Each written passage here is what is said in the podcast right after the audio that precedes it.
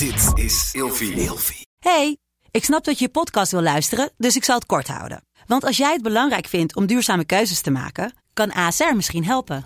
Nou hoor ik je denken, hoe dan?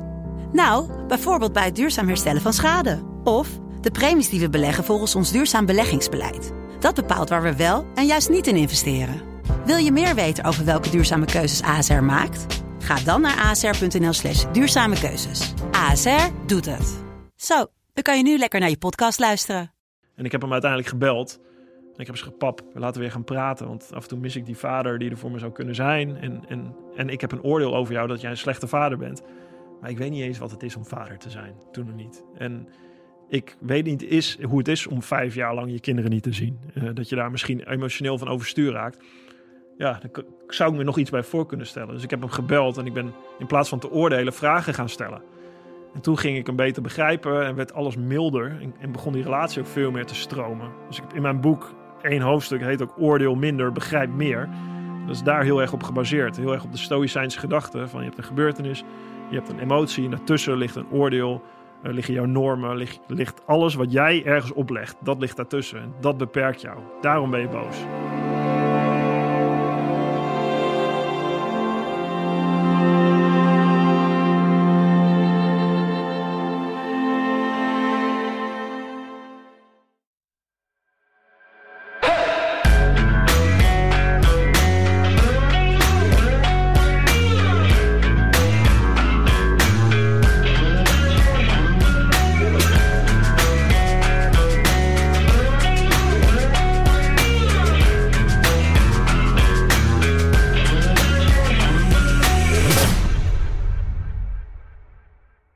Welkom bij Nieuwe Scherpschutters. Heel erg tof dat jullie kijken of luisteren.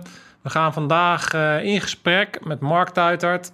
Hij is Olympisch kampioen op de 1500 meter. En heeft een hele rits aan uh, titels te veel om op te noemen.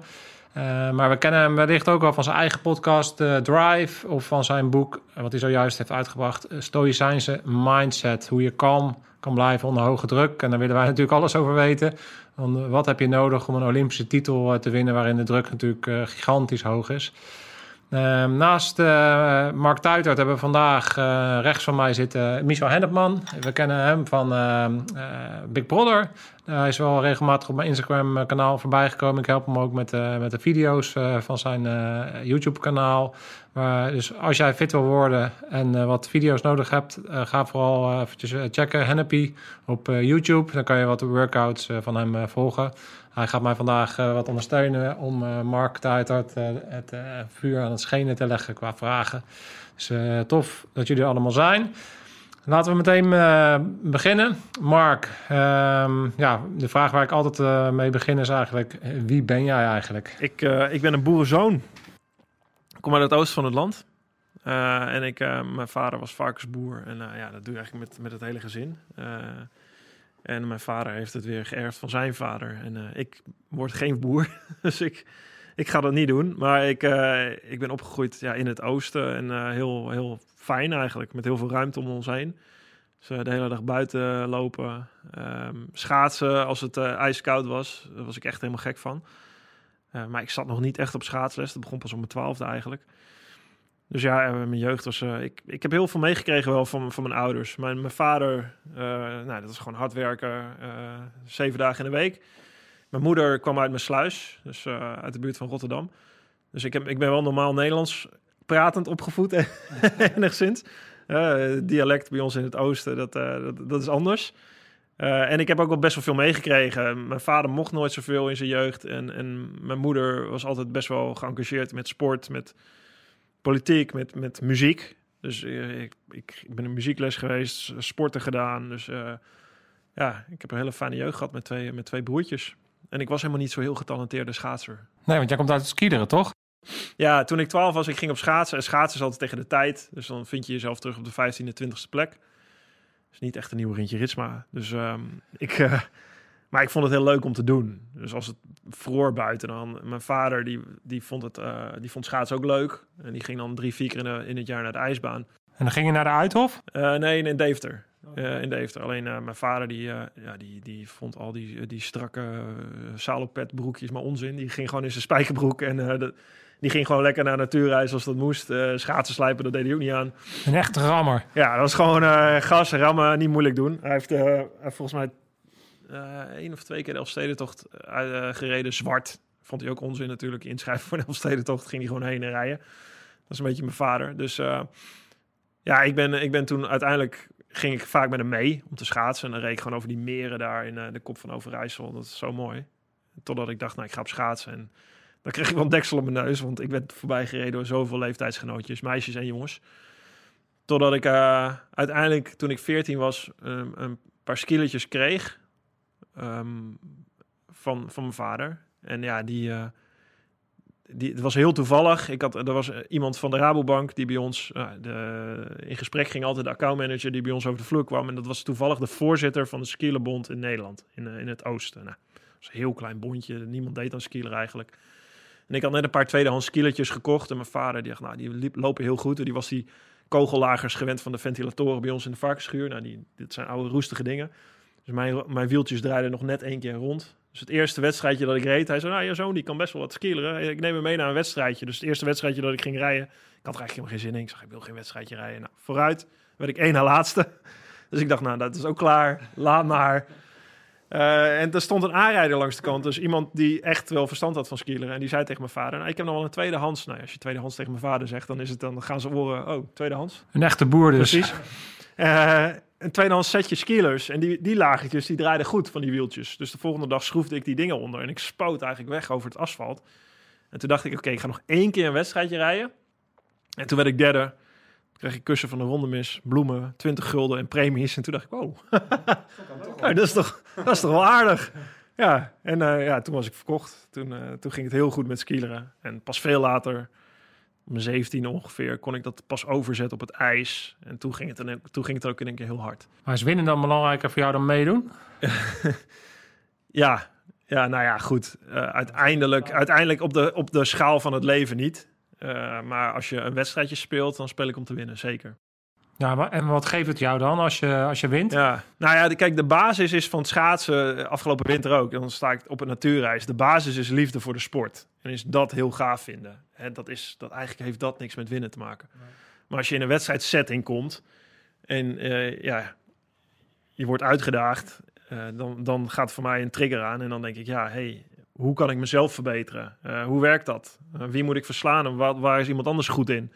Dan wordt het gewoon een spelletje van eh, kijken hoe je jezelf kan uitdagen en kan verbeteren. En ja, dat is uiteindelijk waar, ja, wat ik fantastisch vind. Dat is voor mij een beetje ook gedrevenheid. Gewoon kijken hoe je de lat hoger kan leggen. Kijken waar je van kan leren. En, dat, en het gaat om dat ontwikkelen, het gaat om het proces. Maar het gaat ook wel in je achterhoofd toch wel om een stipje op een horizon. eh, met een doel wat je wilt halen.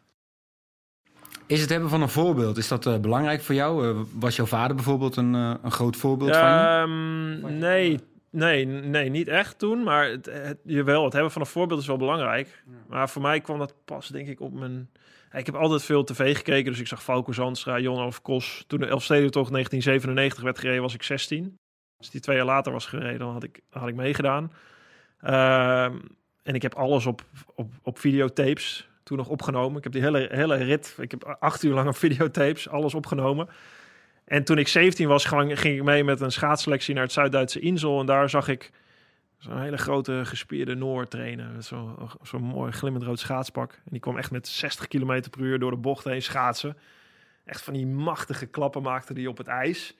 En hij had echt zo'n blik in zijn ogen van nou, bijna een blik om te doden. Zo heftig vond ik dat. Ik dacht echt, wow. Ik was 17 jaar oud en ik keek naar hem. Toen dacht ik echt, nou, zo wil ik van schaatsen mijn vak maken. Tot die tijd was ik ook nog wel speels. Ah, leuk, gaaf. En toen ik dat zag, dacht ik, oké, dit is niet iemand die gewoon op zijn werk komt eh, en, en ga lekker zijn gang gaat. Dit is iemand met, een missie, met totale overgave. Hey, dat zag je gewoon aan hoe die reed.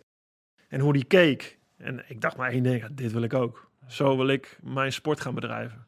En dat was Otto Sunderal trouwens. Dat is een Noor die half jaar later Olympisch kampioen werd op de 1500 meter. Ja, dat zijn ook echt rammers, hè, die gasten. Dat is niet normaal. Ja, hij helemaal. Dat was echt zo'n. Hij was hoe, hoe hij een 1500 meter reed, met wat voor instelling, nooit bang, altijd heel gecontroleerd, ehm, heel, ook heel risicovol wel, door er vol in te vliegen.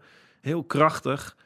Ja, dat vond ik echt eh, samen met Its Posma, die dat aan de Nederlandse kant had. En die reden altijd weer tegen elkaar. Nou, ik zat die duels te kijken. Dat was echt fantastisch. Dat was smullen. Nou, dat vind ik wel eh, heel erg interessant, want jouw eigen podcast heet Drive, dus gedrevenheid. En in de eerste aflevering van eh Scherpschutters zijn we ook ingegaan op gedrevenheid. En met name ook in verband met de relatie met onze ouders en met name onze vader.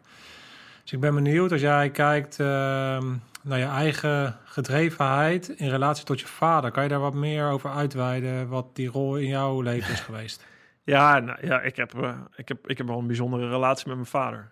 Nou, dat had ik ook met mijn moeder trouwens. Ik, eh, ja, ja, niemand denkt misschien dat hij standaard ouders heeft, maar die heb ik in ieder geval totaal niet gehad. Ja, daar kan ik zo nog wel meer over vertellen. Mijn, mijn moeder is totaal anders dan mijn vader. Als ik naar mijn vader kijk, ehm, ja, en hoe ouder je wordt, hoe meer je erachter komt natuurlijk. Ik heb echt heel erg gebotst met mijn vader toen ik 19, 20 jaar oud was. Hè, toen ik de wijde wereld inging. Sterker nog, ik heb echt, echt ruzie met hem gehad. Ehm, en ook echt een keer een handgemeen met hem gehad. Ehm, en dat was, was ontzettend heftig. En dat kwam door een vechtscheidingssituatie tussen mijn ouders. En mijn vader die niet wist hoe hij met die emoties echt om moest gaan. En het maar opkropte of het maar eruit liet. En, en mij daar ook in triggerde. Ook wel bewust. Heb ik later eh, heel veel met hem over gehad, gelukkig. Ja, en ik, ik lijk gewoon heel erg op mijn vader. Mijn vader, ik heb laatst was hij bij ons, zei ik, pap, volgens mij is een van jouw kernwaarden autonomie. Hè? Mijn vader gaat ga- zijn eigen gang. Eh, die, die moet je niet te veel sturen, want dan gaat hij zijn kont in de krip gooien. En een slimme gast, die weet, ja, oké, ik ga hier naartoe en, eh, en, en ik doe dat op mijn eigen manier. Ja, en ik zeg, nou, dat is grappig, want dat is ook mijn kernwaarde, autonomie. Dus Ja, maar dat is dus heel erg interessant. Want mijn kernwaarde is ook eh, autonomie. Dus daar staat op nummer één. Als ik er zo over nadenk... Weet je, ik had in eh, mijn puberteit had ik een beste vriend. En dat was heel typisch. Want in het begin botsten wij als geen ander. Maar op een gegeven moment merkten we van... Nou ja, we botsen gewoon. Omdat we ja, op dat was elkaar mijn, lijken. mijn beste vriend eh, ook in mijn leven. Dus dan kwam ik bij in de klas en je kon ik wel schieten. een half jaar later waren we beste vrienden, nu nog steeds. Bellen dagelijks bijna. Dus ja, dat had, ik, maar dat had ik ook met mijn vader. En dat is voor mij... En ik, als ik kijk naar... Hè, ik heb twee broertjes, dus ook altijd grappig om die karakters te zien. En die zijn echt verschillend. En ik lijk ook qua ambitie wel meestal mijn vader. Mijn vader vertelt ook wel over. Mijn vader die had een boerderij ook maar ja, opgevolgd van zijn vader. En eigenlijk diep van binnen weet ik niet of hij wel zo graag boer wilde zijn. Maar hij heeft eigenhandig heeft hij gewoon die hele boerderij opgebouwd. Het was één schuur met eh, tien koeien. En hij heeft een varkensschuur gebouwd. En wat er nu staat, het is eh, drie, da- 4000 vierkante meter aan gebouwen. En dat heeft hij gewoon steen voor steen zelf gemetseld. Naast het bedrijf runnen. Met zijn eigen handen, weet je, met zijn eigen klauwen. En dat is best wel, ja, vind ik heel indrukwekkend. En dat is gewoon puur zijn ambitie. Hij zei, ja, je moet iedere 15 jaar verdubbelen als boer, anders ben je weg. En dat geldt eigenlijk nu nog steeds. En dat heeft hij altijd gedaan. Dus hij heeft dat risico genomen, altijd zeven dagen in de week gewerkt. En als ik naar een wedstrijdje moest, dan ging mijn moeder vaak mee. Ehm, of dan moest ik gewoon met de trein of met de, met de bus ergens naartoe. Omdat mijn vader gewoon aan het werk was. En dat is, dat is niet wat, iets wat ik... Dat was zo, weet je. Dat kijk ik niet op terug van, oh, dat heb ik gemist. Ik kijk, ik kijk er wel op terug van, ja... Als ik moet kijken waar, of waar die ambitie vandaan komt, of die gedrevenheid, ja, dan, dan, zit, het, dan zit het daar heel erg. Nou ja, ik ben, ben even benieuwd. Hè? Want ehm, als je naar de wereld kijkt waar Michel en ik vandaan komen, dan zie je vaak dat er eh, ja, optimale, optimale prestaties geleverd moeten worden in suboptimale omstandigheden. En als je naar topsport kijkt, dan is het natuurlijk vaak optimale prestaties onder optimale omstandigheden. Het schaatsen gaat dat niet altijd op, omdat je natuurlijk ook eh, buitenbanen hebt en je daar ook met eh, andere factoren te maken hebt die niet eh, optimaal kunnen zijn. Maar ik ben even benieuwd eh, hoe jij eh, naar die Mhm. stelling kijkt. Nou, ik kijk er zo naar dat eigenlijk de, de perfecte voorbereiding bestaat niet. In ons hoofd willen we allemaal dingen kunnen controleren. Denken, oké, dit en dit en dit moet perfect zijn en dan pas kan ik goed presteren. De eerste World Cup die ik won, dan slo- slo- slo- sloeg me een knie op slot een dag van tevoren. Er zat er dik veel vocht in. Ik dacht, nou, lekker dan. Eerste World Cup, ik ben in vorm. Klaar. Nou, fysiotherapie, nog steeds een dikke knie. Nou, fuck it, gewoon rijden. En ik won die wedstrijd. Terwijl ik dacht, nou ja, dat gaat nooit meer iets worden.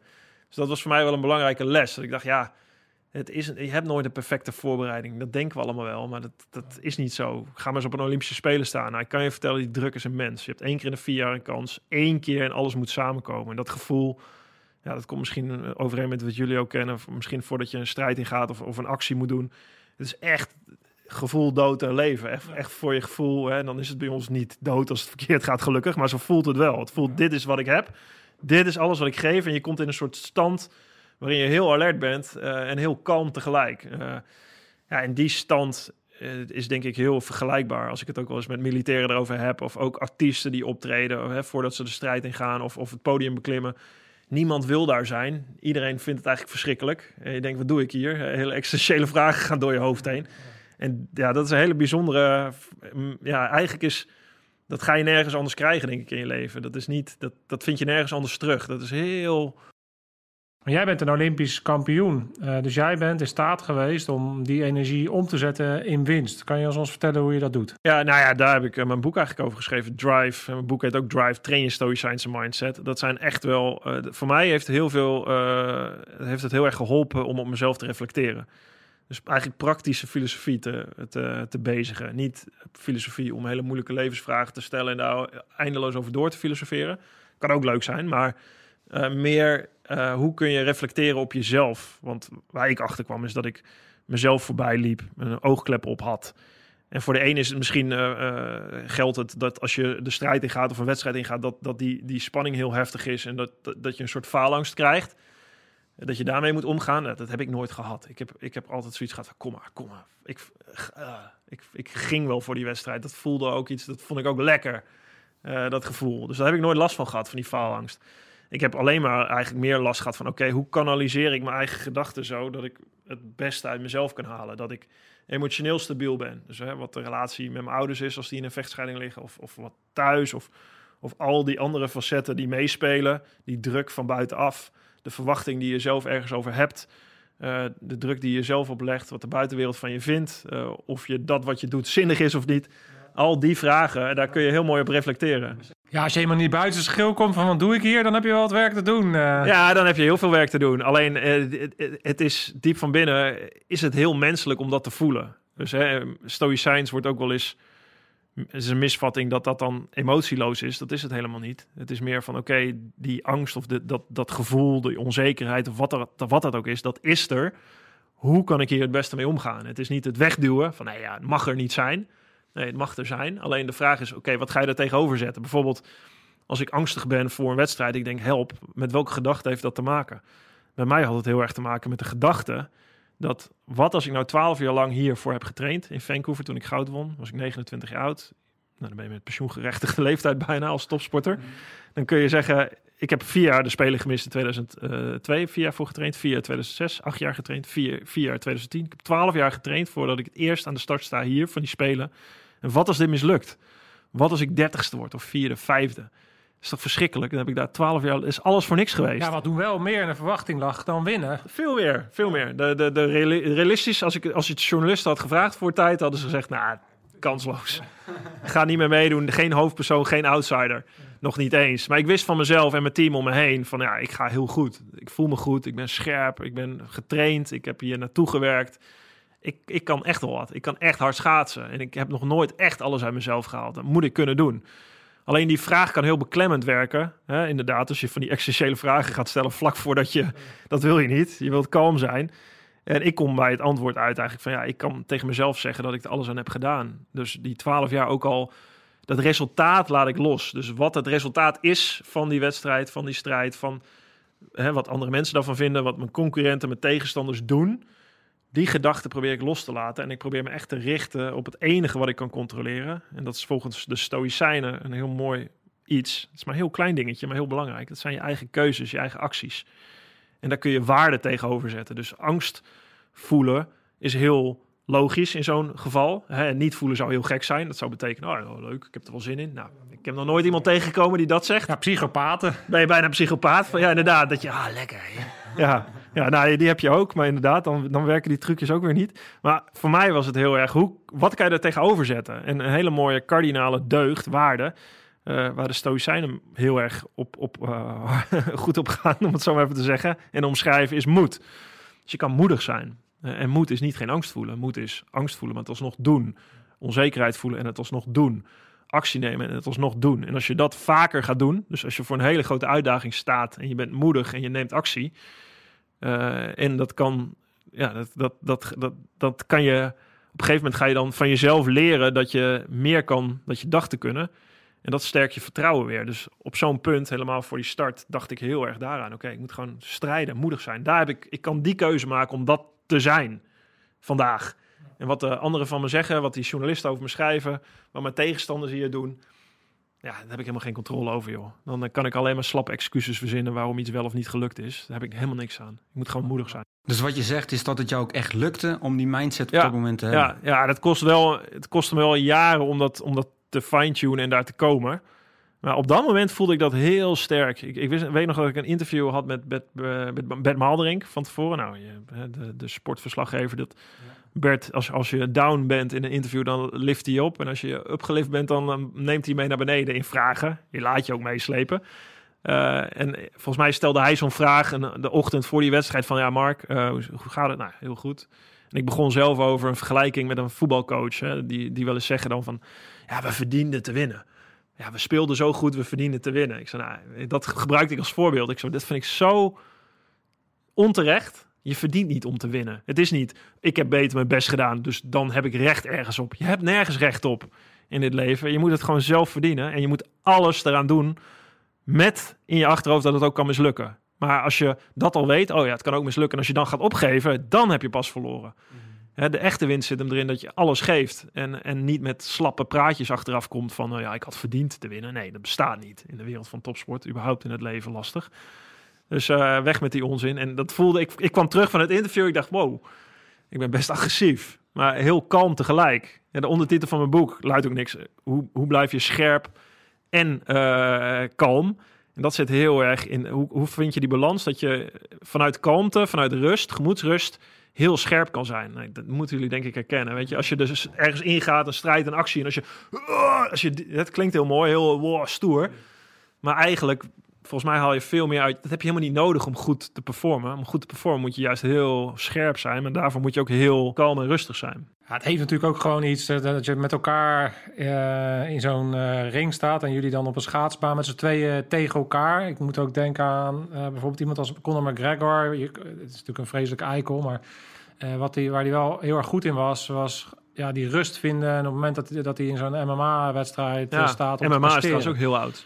Pancratius is een van de oudste sporten in de Griekse Olympische Spelen. Dat was eigenlijk gewoon MMA. Ja, het, he- het heeft gewoon, gewoon iets. De twee strijders tegen elkaar. En eh, ja, in de huidige maatschappij is het denk ik toch wat minder, eh, wordt het toch wat minder gewaardeerd. Ja, ik denk dat dat, dat wordt soms ook eens weggedrukt of dat gaat soms ook eens verloren, denk ik, in de hu- huidige maatschappij. Eh, het wordt niet altijd meer gewaardeerd. Terwijl ik denk wel eens als er nu oorlog zou komen of je zou ergens voor moeten vechten, wie kan er nog vechten?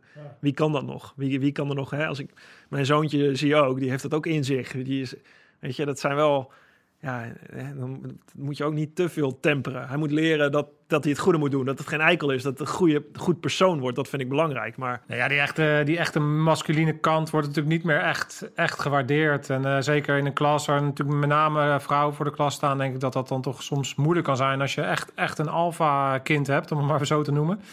Ja, er wordt niet, vaak wordt dat niet begrepen. Die, ik denk heel veel als ik kijk, ik heb een jongetje en een meisje. Dat, dus ik kan, eh, ik kan een beetje het verschil zien. Dat is een groot verschil. Maar ik denk inderdaad dat die kant niet altijd wordt begrepen. Dat het, hè, dat het heel vaak in de hoek gedrukt wordt van, ah, eh, wat doet hij gek? Ja, wat doet hij gek?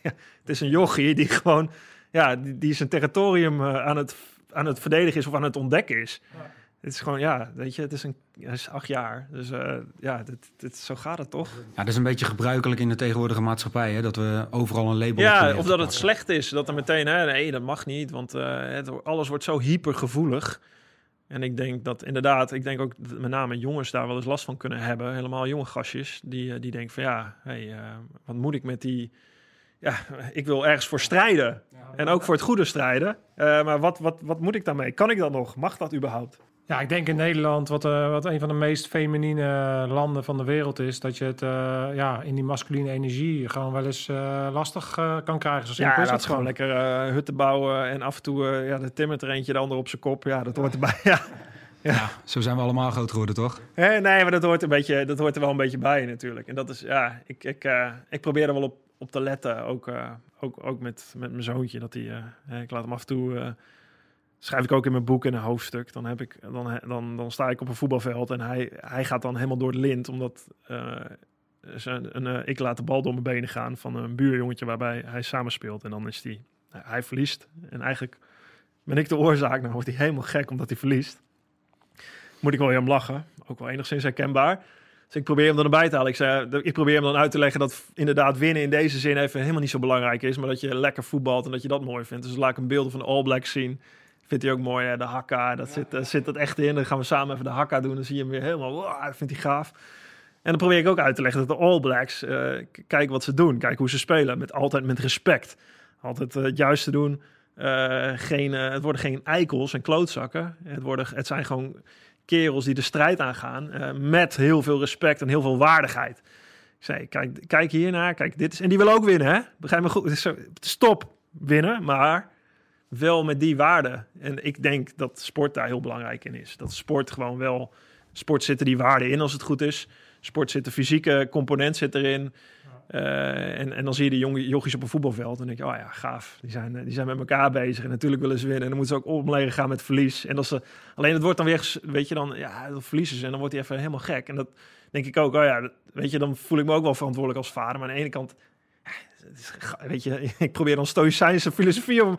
Het is een jochie van acht, weet je, die zijn, die zijn nog heel emotioneel. En die gaan daar helemaal, dat, dat laat je, moet je ook een beetje laten. Dat hoort erbij, toch? Ik heb vroeger topsport uh, gespeeld uh, in de honkbal en het Nederlands team en zo. En ik zie mezelf nog als achtjarig jongetje dat ik dan, uh, als ik dan uitging en dingen lukten niet, dat de knuppels vlogen tegen het hek. En je bent als klein gastje gewoon nog niet in staat om die emoties te kanaliseren zoals jij dat bent op je Nee, precies. Ik probeer hem, dat zie ik als taak, dat ik als ouder hem dat ga leren. En dat hij, anders wordt hij gewoon de grootste tegenstander van zichzelf. Ja. Nou, dat zijn we allemaal denk ik wel ergens ook geweest. Dus daar moet je ook maar doorheen gaan. Het probleem is dat, denk ik, als we alles willen weghouden, helemaal van kinderen in de maatschappij, dus alle moeilijkheden, al het verlies, alle tegenslag, hè, door, uh, dan, dan, dan krijg je, dan leert niemand echt weerbaar zijn. Weerbaar zijn leer je, niet, leer je niet uit een les of een preek of uit een boekje. Dat leer je gewoon in het leven, doordat je je kop stoot en denkt, oh ja, shit, het moet toch anders. Je moet de pijn voelen. Uh, echt voelen om er echt van te leren. En zo, te, zo te horen uh, lijken jij uh, en je zoontje heel erg op elkaar. ik ben wel even benieuwd. We hebben het eerder over gehad hoe dat, hoe dat dan kan, kan botsen.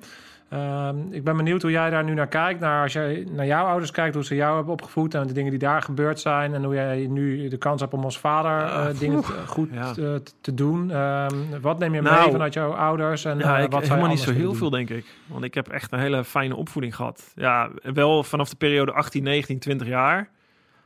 Um, had ik het, had ik het, zou ik het wel heel anders willen doen. Maar dat had ook met de situatie met mijn moeder te maken en mijn vader. Dat was echt een vechtscheidingssituatie. Ja, dat is soms natuurlijk ook uh, gewoon het ja, leven dan. Ja, dat is de situatie in het leven.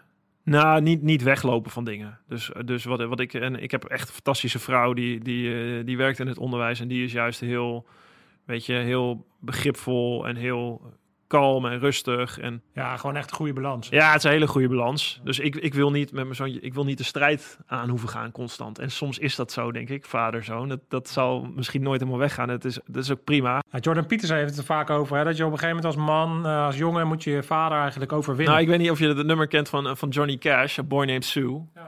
Dat vind ik een heel mooi nummer. Daar refereer ik wel eens aan als mijn relatie met mijn vader gaat. Het, gaat dan, het nummer gaat over een vader die zijn zoontje Sue, meisjesnaam, heeft genoemd. En die, dat jongetje kan hem wel kapot schieten bijna, omdat hij helemaal uh, gepest wordt door Sue en Sue dit, Sue dat. En dan komt hij uiteindelijk zijn vader tegen en dan zeg je, waarom heb je mij de naam Sue gegeven? Hij zegt, nou, je bent toch weerbaar geworden in het leven, weet je. je hebt, ik heb je de naam gegeven omdat ik wist dat ik er niet zou zijn voor je. Maar ik wist wel dat je, dat je hardheid moest opdoen. Dus ik heb je die naam gegeven omdat ik dan wist dat je het moeilijk zou krijgen. ja, dat is, kan Johnny Cash fantastisch mooi vertellen in, in dat nummer. En dat, ja, dat denk ik wel eens na als ik dat... En het is niet bewust, hè. Ik, wil, ik, ik, ik zeg wel eens, je moet ze gewoon volgens mij het leven in laten gaan. En, en als ze vallen, dan, dan ben ik er voor ze. Dan raap ik ze op en dan neem ik ze mee. En dan natuurlijk, dan ben ik er altijd. En dan wil ik het niet als een strijd laten zien, dan wil ik het uit liefde doen. Maar ja, de, de balans erin is om wel. Weet je, ja, dat is ook moeder-vader balans, denk ik. ik. Ik zou eerder zeggen, ja, ga maar. En laat, laat ze maar op de bek gaan. En, uh, en als het echt niet lukt, dan, uh, dan kom ik wel hoor. Maar laat ze het eerst maar eens zelf proberen. Laat hem maar tegen zichzelf aanlopen. Kom maar. En uh, hebben jouw kinderen nu ook die drijf om de topsport in te gaan? Dat weet ik niet. weet ik niet. Ik, mijn dochtertje vindt het heel leuk om te schaatsen en te voetballen. Heel, vooral vindt ze heel gezellig. Um, en ze kan het. Ze heeft echt aanleg voor. En mijn zoontje, die, uh, die vindt het ook leuk, maar die, die, ja, die heeft nog wel ergens, eh, die, die doet het ook wel echt. Als hij niet wil, als hij niet naar bed wil, dan eh, hoef ik maar een wedstrijdje van te maken wie het eerste boven is. En dan is hij als eerste boven. Is hij zo boven. Ja, ik kan me niet. Ik heb mijn vader ook, die wist het niet meer, maar ik weet niet of ik dat zo extreem had vroeger eigenlijk. Dat echt. En hij heeft dat wel. Dus ja, Ja, hij heeft dan natuurlijk weer dan zijn eigen uitdaging. Hij moet opboksen tegen een vader die Olympisch kampioen Nee, dat, is. ja, hij gaat überhaupt met zo'n instelling heel veel uitdaging krijgen in zijn leven, denk ik. En, nou, maar goed, het is, eh, het- hij kan heel veel aan en dat, dat zien we allemaal wel. Ik heb niet, ik ben daar niet mee bezig. Ik, ik, ben ze, ik vind dat ze, ik vind het fijn om ze breed te ontwikkelen. En daar, de, de, hè, ze, ik, ze spelen allemaal in een voetbalteam. Dat is een teamsport. Heb ik ook altijd gedaan. Heb ik echt veel aan gehad. Gewoon samenwerken met anderen, dat leren. Niet alleen individueel met je eigen stukje bezig zijn. Schaatsen natuurlijk. Ik zou... eh, ik wil niet om over tien jaar om mijn oren krijgen van... eh, papa, eh, jullie hebben allebei geschaatst. Mijn vrouw werd eerste wereldkampioen junioren van Nederland. En we hebben het nooit geleerd. Dus, en dat, de liefde voor schaatsen zit er natuurlijk in. Wij zitten voor de tv schaatsen te kijken. Om, onze ouders zijn gek van schaatsen. Dus zij zit op schaatsen. En de oudste zit nu op gitaarles. Dus eh, weet je... Gewoon een brede ontwikkeling, opvoeding. En dan ze zien maar waar ze uitkomen. Ik wil ze alleen de tools geven. En wat ze daarmee doen, dat, eh, het is aan hun. Het, eh, niks hoeft. Maar eh, je kan alles proberen. Ja, dat klinkt als een hele stoïcijnse manier van eh, opvoeden. Nou ja, en ik, ik, ik heb echt, nog, nogmaals, ik heb een fantastische vrouw. Die, eh, die, wij voelen, me, voelen elkaar daar heel erg, eh, voelen elkaar wel daar echt in aan. Het is, eh, het is echt de vrouwelijke kant, mannelijke kant, maar wel op een goede, goede manier. Ja, mooi. mooi. Ja, ik ben daar wel even benieuwd. Hè? Want eh, jij hebt natuurlijk een hele mooie sportcarrière gehad. En zoals jij zelf al aangaf, op je 29e ben je eigenlijk eh pensioengerechtigd eh, leeftijd gekomen. En ik ben wel benieuwd van, ja, wat... wat ik kan me voorstellen dat je best wel in een zwart eh, gat valt... als je op een gegeven moment aan, aan het einde van je carrière komt. Dus ik ben even benieuwd naar jouw ervaringen rondom eh, die transitie van eh, sportman richting Ja. een nieuw leven. Nou, genoeg. Ja, als je, als je stopt met topsport, dan is je hebt altijd een heel helder doel en één punt op een horizon staan. Je hebt een, een datum, je hebt vaak een afstand. eh, en als je ervaren bent in, in je sport, weet je wat je daarvoor moet doen. Je weet wat erbij komt kijken. Dus eigenlijk is dat ook heel fijn. Je weet wat er van je verwacht wordt, je weet hoe hard je moet werken.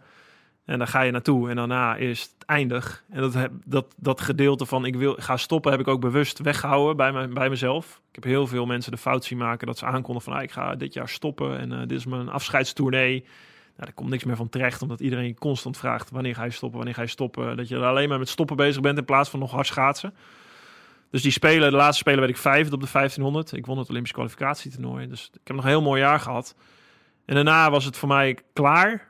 En ik had drie maanden eerder mijn huis verkocht al. We wilden gaan verhuizen. We wisten nog niet waar naartoe, naar het schaatsen. Dus ik had altijd in Friesland eigenlijk gewoond. Ik, ik, eh, ik had twee jonge kinderen van 1 en 3. Of uh, 0, 0 en 2 moet ik zeggen.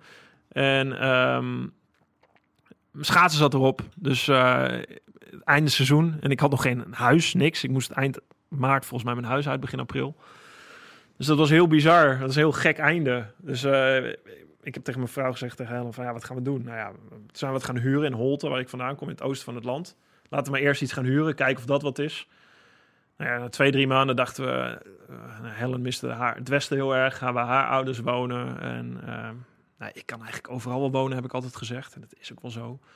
Dus nou, zijn we uiteindelijk teruggegaan naar het westen binnen een paar maanden. Daar konden we ook iets huren. Uh, op, een, op een stukje grond aan het water. Super mooi. Eigenlijk heel erg geluk mee gehad. En vanaf daar uh, gingen we een beetje kijken, nou, wat ga ik nu doen? En een vriend van mij, die zei, uh, Yves trouwens, Yves Kummer, die zei, ja, Mark, weet je wat jij moet gaan doen? Je moet gaan werken. Je weet niet wat het is. ik dacht, hoezo? Ik weet niet wat het is. Wat een gelul. Ik heb twee keer per dag keihard getraind, dus toch keihard werken.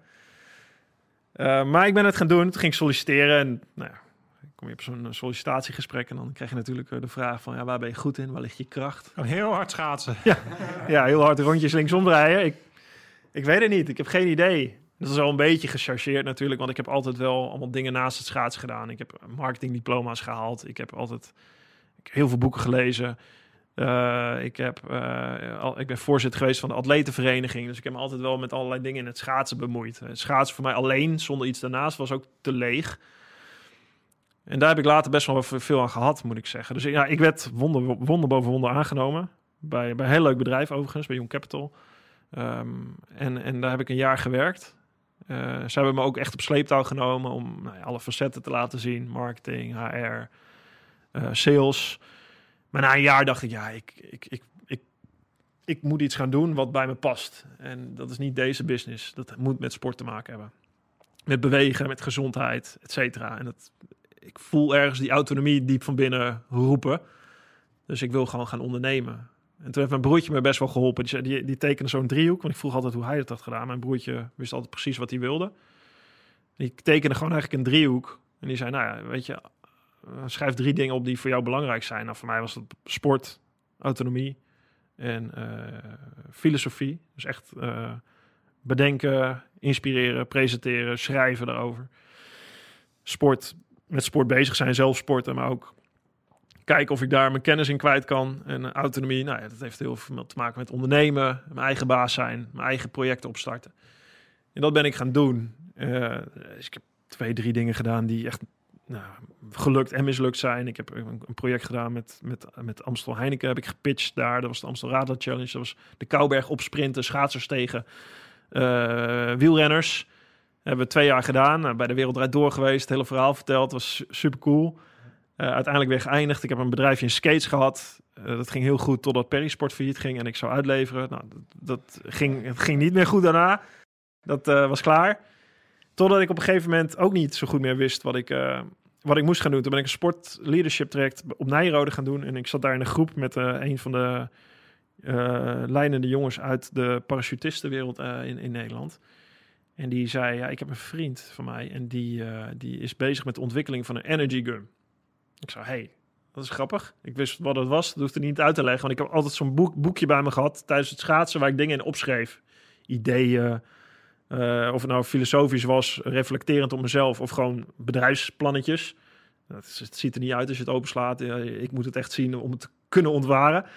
Eh, maar dat had ik altijd om mijn hoofd een beetje kalm te houden tijdens het schaatsen. Weet je, je gedachten gaan natuurlijk ook. Wat moet ik na het schaatsen? Waar, wat ben ik mee bezig? Nou, dan schreef ik het gewoon op. Gewoon notities. Ja, ja, dat is wel herkenbaar. Ik heb ook altijd het beste idee tijdens sporten. Ik heb ook altijd het idee dat je dan in een soort eh, meditatieve staat komt of zo. Ja, als je, of, of als je s'avonds in bed ligt, had ik het bij me. Of dan zit je in een hotel en dan eh, heb je geen reet te doen. Als sporten train je hard, maar daarnaast is het ook gewoon heel rustig. Dan, ja, dan hielp het me om nou, die dingen op te schrijven. En ik had daar dus opgeschreven Energy Gum. Ik was op zoek eigenlijk naar een alternatief. Hè. Ik dronk gewoon espressootjes voor mijn, voor mijn eh, Olympische race. Nadeel is alleen dat je dat werkt laxerend en het duurt langer voordat je het opneemt via je maag-darmsysteem, de cafeïne. Iedereen kent cafeïne natuurlijk. Het zorgt voor een oppepper, het zorgt voor meer focus. Eh, Het dempt je adenosine-receptoren in je hersenen, waardoor je vermoeidheidssignalen minder goed doorkomen, waardoor je alerter bent. En op spierniveau doet het ook nog iets. Dus ja, dat wist ik. Eh, alleen ja, ik wist ook dat de beste manier via kauwgom zou zijn, omdat je dat via de slijmvlies in je mond opneemt, die cafeïne. Dan gaat het rechtstreeks via je hersenmembraan binnen vijf minuten eigenlijk naar die receptoren toe. Dus dat wist ik allemaal. Alleen ja, die producten die er waren, die waren niet te hachelen, om het maar even zo te zeggen. Gewoon heel vies. Nou ja, topsporters die, die gebruiken echt wel dingen die, die werken, maar als het heel vies is, dan doen ze het ook niet. En het was er niet. Ik kon het niet vinden, niet krijgen, totdat hij er dus mee kwam. Toen dacht ik, hé, dat is interessant. Nou, en ik was wel op een kruispunt in mijn leven dat ik dacht, ik wil het ook niet alleen doen. Ik wil het met compagnons doen. Dus toen eh, zijn, ben ik met, samen met mijn twee compagnons eh, zijn we gestart. Ik, het is, die vroegen mij, wil je, hè, wil je ambassadeur zijn? Eh, kunnen we je ergens bij betrekken?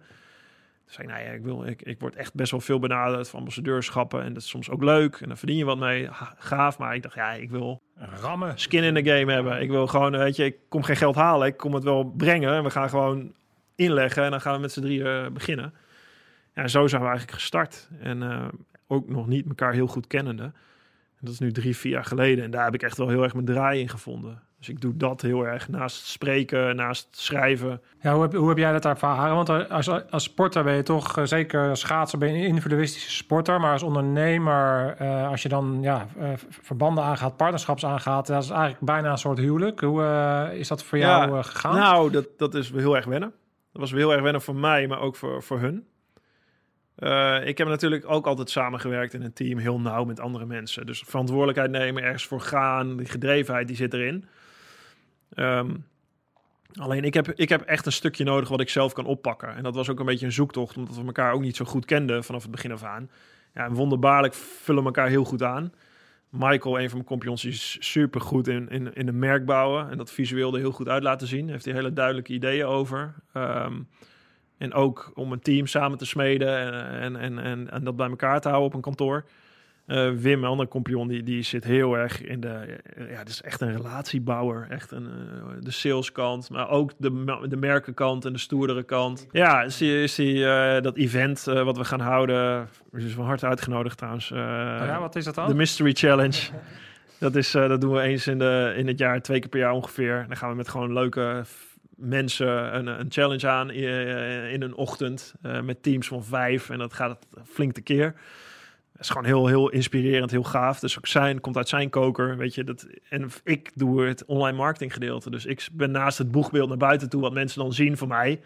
Maar dit is maar een heel klein gedeelte. Ik, ik, ik ben echt heel erg bezig met performance marketing, groeimodellen, uh, de, de cijfertjes bijhouden. Dus wat ik eigenlijk als schaatser deed ik dat ook heel erg. Ja, gewoon heel actief aan het proces. Ik tweak aan mijn trainingsschema. Ik was altijd bezig met... Zondag kreeg ik een schema van Jack toen. Jack Ori, mijn coach. Of ik maakte het zelf later bij Geert van Velden of in overleg. En dan was ik altijd heel erg bezig met die lijnen, met de periodisering. Dus hoe, hoe hard trainen we nu? Uh, hoe, hoe, hoe groot is je load? Dus hoeveel minuten train je? Hoe groot is je stress? Dus hoe, hoe hard train je? Hoe loopt die standaarddeviatie? Uh, wat kun je aan op basis van de data die je hebt over tien jaar trainingsschema? En hoe richt je dat in in de toekomst? Hè? En dat is gewoon een lijn die je kan volgen. Dus je weet gewoon, ik moet nu twee weken hard trainen. Daarna dip ik, uh, ook in mijn gevoel. En daarna rust ik uit en dan periodiseer ik, dan taper ik en dan kom ik weer terug op deze. Er zit een hele lijn in. En eigenlijk, ja, dat doe ik met First ook, weet je. Ik weet wat een, een nieuwe klant mag kosten. Ik weet wat een klant oplevert op de lange termijn. Dat weet ik uit de data die je krijgt, omdat we alles online doen bijna. Uh, en, en die cijfertjes, hoeveel geld ik uitgeef, wat eruit moet komen, dat is gewoon eigenlijk dat is net hetzelfde. Dat is ook gewoon een soort periodisering met een plan wat je maakt. En dat, uh, dat vind ik heel leuk om te doen. Ja, je, je, hebt een hele mooie carrière achter de rug. Daar heb je heel veel geleerd. En wat gebruik je van die tijd nu als ondernemer? Nou, het, de grootste les die ik in topsport heb geleerd, en daarom heb ik er denk ik ook een boek over geschreven, is, is wel de, um, het, het, het zelfvertrouwen dat het wel goed komt. Dat je een weg vindt dat er een manier is om een weg te vinden. En ook al zie je hem niet, je weet dat er een weg is omdat je hem gaat zoeken. En soms loop je dood, soms ga je tien keer op je bek. Er is wel ergens een weg te vinden. Uh, en om daar kalm en rustig onder te blijven, uh, iedere dag uh, hard daaraan te werken, ook zonder de zekerheid te hebben of het dan wel of niet lukt, ja, daar kan ik best wel goed mee omgaan. Gewoon de onzekerheid, de stress, de chaos de onvoorspelbaarheid uh, die je als topsporter ook wel hebt, dat, dat vind ik vind dat eigenlijk wel fijn. En dat past ook heel erg. In ondernemen heb je dat ook heel erg. En dat, ik zeg niet dat het altijd makkelijk is, dat is soms uh, ook verschrikkelijk, maar ik kan daar best wel goed mee omgaan. Dus wat ik als topsporter heb geleerd om daar rustig onder te blijven, uh, hard te blijven werken, focus te houden op de dingen die ik wil doen. En daar ben ik ook wel autonoom in. Dus dat hebben mijn compagnons ook wel moeten leren. Ik, ik ga daar wel ik volg het pad waar ik energie van krijg. Dus waar, waar ik goed in ben, waar ik energie van krijg en daar ga ik het verschil in maken. En al die andere paden die me heel veel energie vreten, uh, die, die laat ik best wel makkelijk los. Nou ja, het, het had voor, voor de hand liggend geweest om in uh, de schaatsport te blijven. Maar uh, toch ben je uit je comfortzone gestapt en ben je Ja, bewust, bewust ook. Ik weet, als ik in de schaatsport was gebleven, bijvoorbeeld als coach... dan, word je, ja, dan wordt alles wat je doet staat in dienst van die paar schaatsers die je traint. Uh, en dat is alles wat het te doet, weet je. Dan leuk, een uitnodiging voor een podcast. Maar sorry jongens, nee. uh, dat kan niet. Want ik ben vandaag bezig om die schaatsers zo goed mogelijk op het ijs te krijgen. En dan ga je weer naar de ijsbaan. Dan speel je deels hetzelfde spelletje. En natuurlijk is die evolutie gaat door. En dat is echt een commitment wat je 100% moet maken in topsport. Je kan niet denken van, oh, ik word 90% coach of 80% en ik doe er nog een paar dingetjes bij. Maar ik kijk wel hoe het, hoe het loopt. En je zit weer in de wereld die je, ja, die je kent. Dat is ook deels veilig, dat voelt vertrouwd. Maar ik, ik had zoiets, ja, ik wil nog zoveel andere dingen ontdekken in het leven. Ik wil ontdekken wat ik zelf nog meer kan, waar ik goed in ben, waar ik niet goed in ben. Dus uh, voor mij was dat best wel een makkelijke keuze eigenlijk om, om juist niet die schaatswereld in te blijven gaan.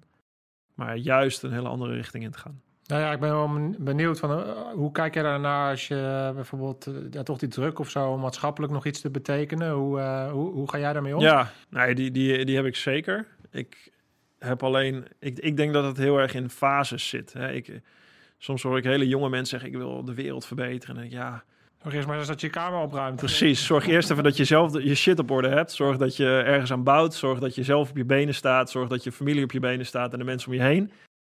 En daarna, als je dat hebt staan, kun je denken aan de wereld verbeteren. En je moet niet, je moet niet iets slechts doen voor de wereld. Hè, maar zelf de wereld verbeteren, dat getuigt ook van idealisme wat, ja, wat, wat, wat heel vaag kan blijven. En dat kan heel fijn voelen. Ik roep dat ik de wereld ga verbeteren en ik blijf zo vaag mogelijk. En nou, ja, lekker. Ja, wat is dat concreet? Ja, ik noem dat altijd het deugdsyndroom. Ja, ja, het voelt goed om voor jezelf dan. Ik heb het in ieder geval gezegd. En eh, nou, ik boek weer een vliegticket en ik koop een paar eh, CO2-tickets eh, om eh, bomen ergens anders te planten. Wat fijn is, maar de vraag is: doe je. Hè? En de vraag is ook: moet dat of wil je dat? Nou, ik zou het heel graag willen. Ik, heb, ik vind echt hele mooie voorbeelden in de sport van mensen die dat doen. Ik, ik heb echt Bibian Mental heel hoog zitten erin. Ik, ik las vanochtend een artikel van een meisje dat een prothese van haar heeft via haar stichting. Eh, en dan denk ik, ja, Bibian leeft niet meer, maar haar idee en wat zij voor zo'n meisje kan betekenen, die lachend in de krant staat met haar sportprothese. Dat vind ik echt fantastisch. Dus ik probeer heel klein, als het iets is voor zo'n stichting, ergens iets te kunnen doen. Maar het is maar heel klein. Eh, ik probeer op de, ik ben ambassadeur van Villa die helpen kinderen in echtscheidingssituaties. En het zijn allemaal, het zijn minuscule dingen. Het stelt op een grote schaal niks voor. Uh, af en toe met presentaties krijg ik hele mooie verhalen terug van mensen die ergens iets aan hebben. Ook van mijn boek. Van ah, fijn dat je boek hebt geschreven. Of ik schrijf een nieuwsbrief die ik iedere week uitbreng. En dan krijg ik af en toe reacties van mensen. Ik heb hier echt iets aan gehad. Ik kon hier iets mee. Ik had laatste vrouw in het publiek zitten. Die, die stond op en die zei: Ja, ik legde eruit eigenlijk dat een gebeurtenis. En jouw emoties daarbij, uh, die daarbij horen dat er nog iets tussen zit. Hoe jij omgaat met die gebeurtenis, je oordeel. Hè? Dat zou de stoïcijn ook. Ja, je hebt je eigen oordeel over een gebeurtenis en dat bepaalt je emoties zou Epictetus zeggen, een uh, stoïcijnse wijsgeer die hè, daar heel goed dat onderscheid in weet aan te brengen. Die stond op en die zei, ja, ik voel me gefrustreerd, ik ben bang, verdrietig en dat heeft allemaal te maken met die echtscheidingssituatie waar ik in zit. Uh, ik, ik, uh, ik, zei ze, het heeft te maken met mijn eigen ego. Ik zo, wow, nou, pet je af dat je dat zegt. Ik geef het op. Ik schrijf een brief, ik kop ermee. Ik, en daarmee los je die emoties niet meteen op, maar op den duur kun je die kwijtraken. Zo was ik heel kwaad op mijn vader. Ik wilde geen contact met hem. Ik heb vijf, zes jaar lang geen contact met hem gehad. En ik heb hem uiteindelijk gebeld. En ik heb gezegd, pap, laten we weer gaan praten. Want af en toe mis ik die vader die er voor me zou kunnen zijn. En, en, en ik heb een oordeel over jou dat jij een slechte vader bent. Maar ik weet niet eens wat het is om vader te zijn. Toen nog niet. En ik weet niet is, hoe het is om vijf jaar lang je kinderen niet te zien. Uh, dat je daar misschien emotioneel van overstuur raakt. Ja, dan zou ik me nog iets bij voor kunnen stellen. Dus ik heb hem gebeld en ik ben in plaats van te oordelen vragen gaan stellen. En toen ging ik hem beter begrijpen en werd alles milder. En, en, begon die relatie ook veel meer te stromen. Dus ik heb in mijn boek één hoofdstuk heet ook Oordeel minder, begrijp meer. Dat is daar heel erg op gebaseerd. Heel erg op de stoïcijnse gedachte van je hebt een gebeurtenis, je hebt een emotie en daartussen ligt een oordeel. Uh, liggen jouw normen, ligt, ligt alles wat jij ergens oplegt. Dat ligt daartussen. En dat beperkt jou. Daarom ben je boos. Niet om iemand anders jou boos heeft gemaakt. Uh, en dat vond ik zo'n inzicht waar ik zoveel aan had gehad. En dat vertel ik af en toe in een presentatie. En daar ging die vrouw waar ik over vertelde ook op aan. En dan denk ik, ja, gaaf, cool, dit is tof. Maar het zijn voor mij maar hele kleine dingen. Ik denk, als je het hebt over wat je kan betekenen... ik denk dat het in fases komt. Uh, ik was jong, uh, 1920, de wereld veroveren. Ik ben nu vader, ik heb een bedrijf. En daar wil ik ook wel de wereld mee veroveren. Begrijp me heel goed, daar heb ik ook grote ambities in. Uh, en, en als dat staat, ik denk dat het voor een volgende levensfase, en ik heb wel ideeën in mijn achterhoofd, en die ga ik nog niet zeggen. Uh, ik, ik zou als ik ouder word, misschien nog iets wijzer en nog iets verder ben in mijn leven, dan, dan zou ik echt wel initiatieven willen starten met een paar ideeën die ik heb. Maar ik zeg het bewust niet, omdat dan klinkt het weer van, nou, dit zijn maar mooie ideeën. Oh, wat gaaf, Mark. Goed. Ja, je moet het eerst maar gewoon doen. Ik moet het eerst maar eens gaan doen. En dan pas achteraf kan ik zeggen, oh ja, goed gedaan. Weet je, ik kan het van tevoren, uh, hoef ik daar geen uh, schouderklopjes voor. Het is nog maar een idee, het is nog niks. Nou, je hebt het nu al een paar keer gehad over de stoïcijnse mindset. Kun je eens kort uitleggen voor de leken onder ons wat dat precies inhoudt? Nou, ten eerste, de stoïcijnse mindset uh, is, is, is gebaseerd op stoïcijnse filosofie. Dat is een filosofie die is ontstaan 300 voor Christus ongeveer in Griekenland. En uh, het is door een oprichter uh, van het stoïcisme was Zeno. Zeno was een rijke koopman die alles verloor met een schipbreuk van zijn schip in de haven van Athene. Nou, die had, niks meer. Die kwam de stad Athene en die dacht, nou, ik heb minder bagage, laat ik filosofie gaan bedrijven. En die vroeg eigenlijk daarvan, wie moet ik volgen? Welk, welke man hier is een voorbeeld wat ik kan volgen? Toen zei ze, nou, je moet die man volgen. En die man was Krates, dat was een, een cynische filosoof. Nou, de cynici die die, die hadden geen bezit. Er waren asketen en die, die hadden eigenlijk ook lak aan sociale normen en heel veel dingen. Nou, dat moet je maar vol kunnen houden. En Zeno leerde daar eigenlijk heel veel van door een hele sobere filosofie te bouwen. Maar ook het juiste te doen, niet voor jezelf, maar ook richting anderen. En eigenlijk komt het erop neer uh, dat je een soort mindset kweekt waarbij je, ja, waarbij je uh, eudaimonia nastreeft. En eudaimonia is in het Grieks geluk, maar anders dan wij geluk vertalen. Hè. Geluk zien wij nog als resultaat behalen, zoals een gouden. Heel veel sporters, atleten denken, als ik goud win, nou, dan ben ik gelukkig. Als we die auto kunnen kopen, dan zijn we gelukkig. Hè? Als we een podcast hebben met een miljoen downloads, nou, dan ben ik gelukkig hoor. Ja, zo werkt geluk in principe niet. geluk is niet de, is het niet fijn voelen van iedere dag. Dat is niet per se geluk. Uh, geluk is een uh, gemoedsrust nastreven en is veel meer bloeien, groeien, uitdagingen aangaan, daarvan leren. Veel meer met de poot in de klei staan en, en de realiteit van het leven ondergaan. Dus ook niet de afwezigheid van pijn of verdriet uh, zou een stoïcijn van slag brengen. Dat is hoe het leven in elkaar zit. Dat is de realiteit. Mhm. Maar hoe ga je daarmee om? Nou ja, daar heb je emoties over. En eigenlijk streven de stoïcijnen een, een status na van apatheia. En apatheia, dat wil zoveel zeggen als uh, passies, uh, passieloos leven. En dat, dat is ook weer, als je het vertaalt in het Nederlands, niet zoals het vertaald hoeft te worden. Passies zijn eigenlijk emoties waar je. Hè, dus frustratie, boosheid, angst. en als je die door goed na te denken over die situaties, hè, dan kom je weer op dat oordeel en de gebeurtenis dan kun je erachter komen dat je soms leidt aan irreële gedachten. Dus eh, irrationele gedachten. Dus als jij boos wordt op iemand omdat hij jou beledigt, kun je je afvragen waarom dat is. Komt dat door die ander? Nee, denk maar verder. Het kan ook door jouw oordeel over die ander. Daardoor kan het komen. Dus als je daar goed over na kan denken, kun je die status opheffen. En dan kun je eigenlijk met een kalmer gemoed het leven tegemoet treden. En dan heb je eigenlijk heel veel energie over om vanuit die rust gewoon alles te gaan doen wat jij wil bereiken. Ga ergens voor. Als je wedstrijd hebt, ga ervoor om te winnen. Uh, wil je succes? Ga er vol voor. Uh, alleen doe het niet door de vier kardinale deugden dan uh, te breken. Dat hadden de Stoïcijnen wel. Hè. En Stoïcijns is goed leven, leven met moed, matigheid of zelfdiscipline, wijsheid en rechtvaardigheid.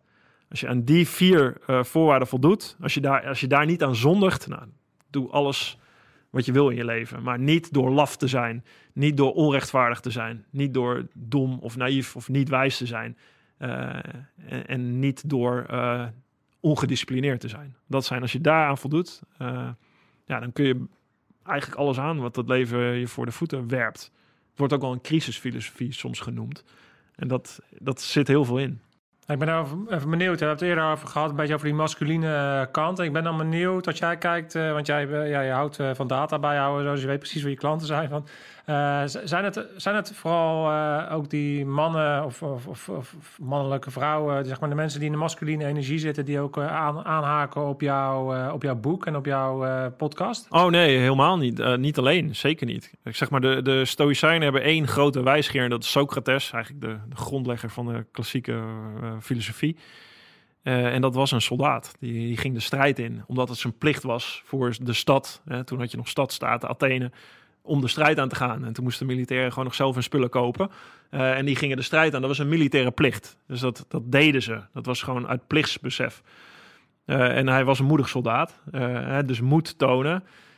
Daar was hij heel erg mee bezig. Dus gewoon altijd het juiste doen. En niet alleen voor jezelf, maar ook voor je omgeving, voor je staat, voor je land, voor de mensen om je heen. Dat is ook een heel belangrijk stoïcijns principe. Het is niet een zelfhulpfilosofie van ja, als het met mij goed gaat, dan, gaat het, dan, dan zijn we er. Nee, ja, tuurlijk moet je op eigen benen staan, maar je doet ook het juiste naar anderen toe. Dat is eigenlijk de waarde rechtvaardigheid.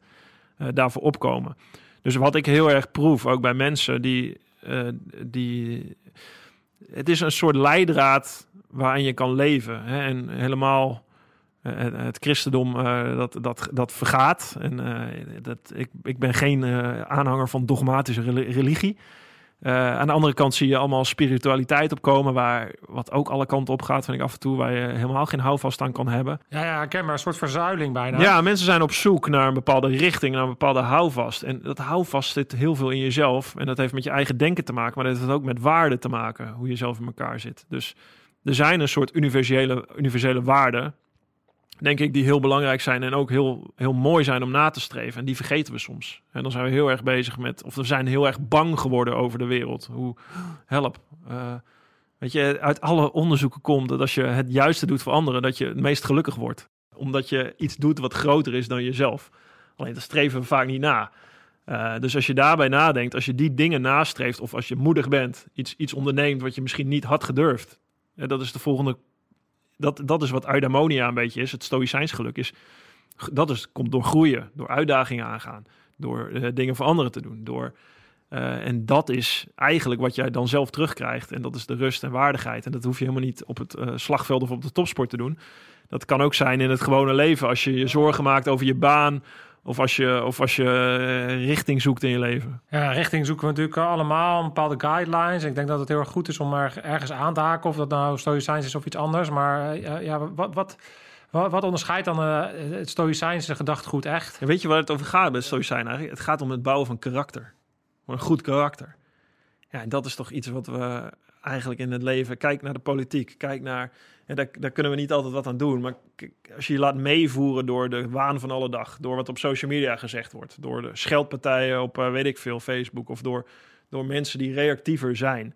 Uiteindelijk ben je alleen maar met ruis bezig en met, met, met de wereld om je heen. In plaats van als je bezig bent met of je eigen karakter wel uh, overeenstemt met hoe je het zou willen hebben. Ja. Hè, met het voorbeeld wat je hebt. Nou, dat kan het voorbeeld zijn van je vader. Dat kan het voorbeeld zijn wat de Stoïcijnen dan zouden zeggen: een sage, een wijs een wijs iemand. Uh, iemand die karakter toont, uh, die als voorbeeld zou kunnen nemen. Ja, dat is veel verstandiger om te doen. Wat doet hij dan? Wat doet diegene die jij uh, als mooi als voorbeeld daar neerzet? En hoe kun je daar je meer aan modelleren in plaats van al het al die drek die, die in je hele leven om je heen ziet, waar je je heel moeilijk van kan afsluiten. Want daar worden we ingezogen via onze telefoons, via, via televisies, et cetera. Ja, mooi, mooi. Uh, voor nu uh, wil ik je eventjes uh, alvast heel erg bedanken voor, voor, voor je bijdrage. Wij gaan zo meteen afsluiten voor deel 1. En ik hoop dat jullie door gaan klikken naar, naar deel 2. Want wij gaan met z'n drieën nog even dit gesprek langs en halen de belangrijkste punten eigenlijk eruit. Uh, je kan deel 2 kijken door lid te worden van, uh, van de Scherpschutters Community. Uh, door naar www.scherpschutters.online te gaan. En daar lid te worden is helemaal gratis. Maar daar ja, krijg je, kan ik directer contact met jullie hebben. Door en hebben we gewoon een mooie platform waar we elkaar kunnen ontmoeten. En je dus extra content kan zien naast alle content die gewoon openbaar op YouTube staat. Dus uh, ga daarheen en dan gaan we even de concrete punten, leerpunten uit dit gesprek uh, halen. En die nog eens even met jullie doorspreken. Dus hopelijk tot zo. En dit was hem. Scherpschutters uit.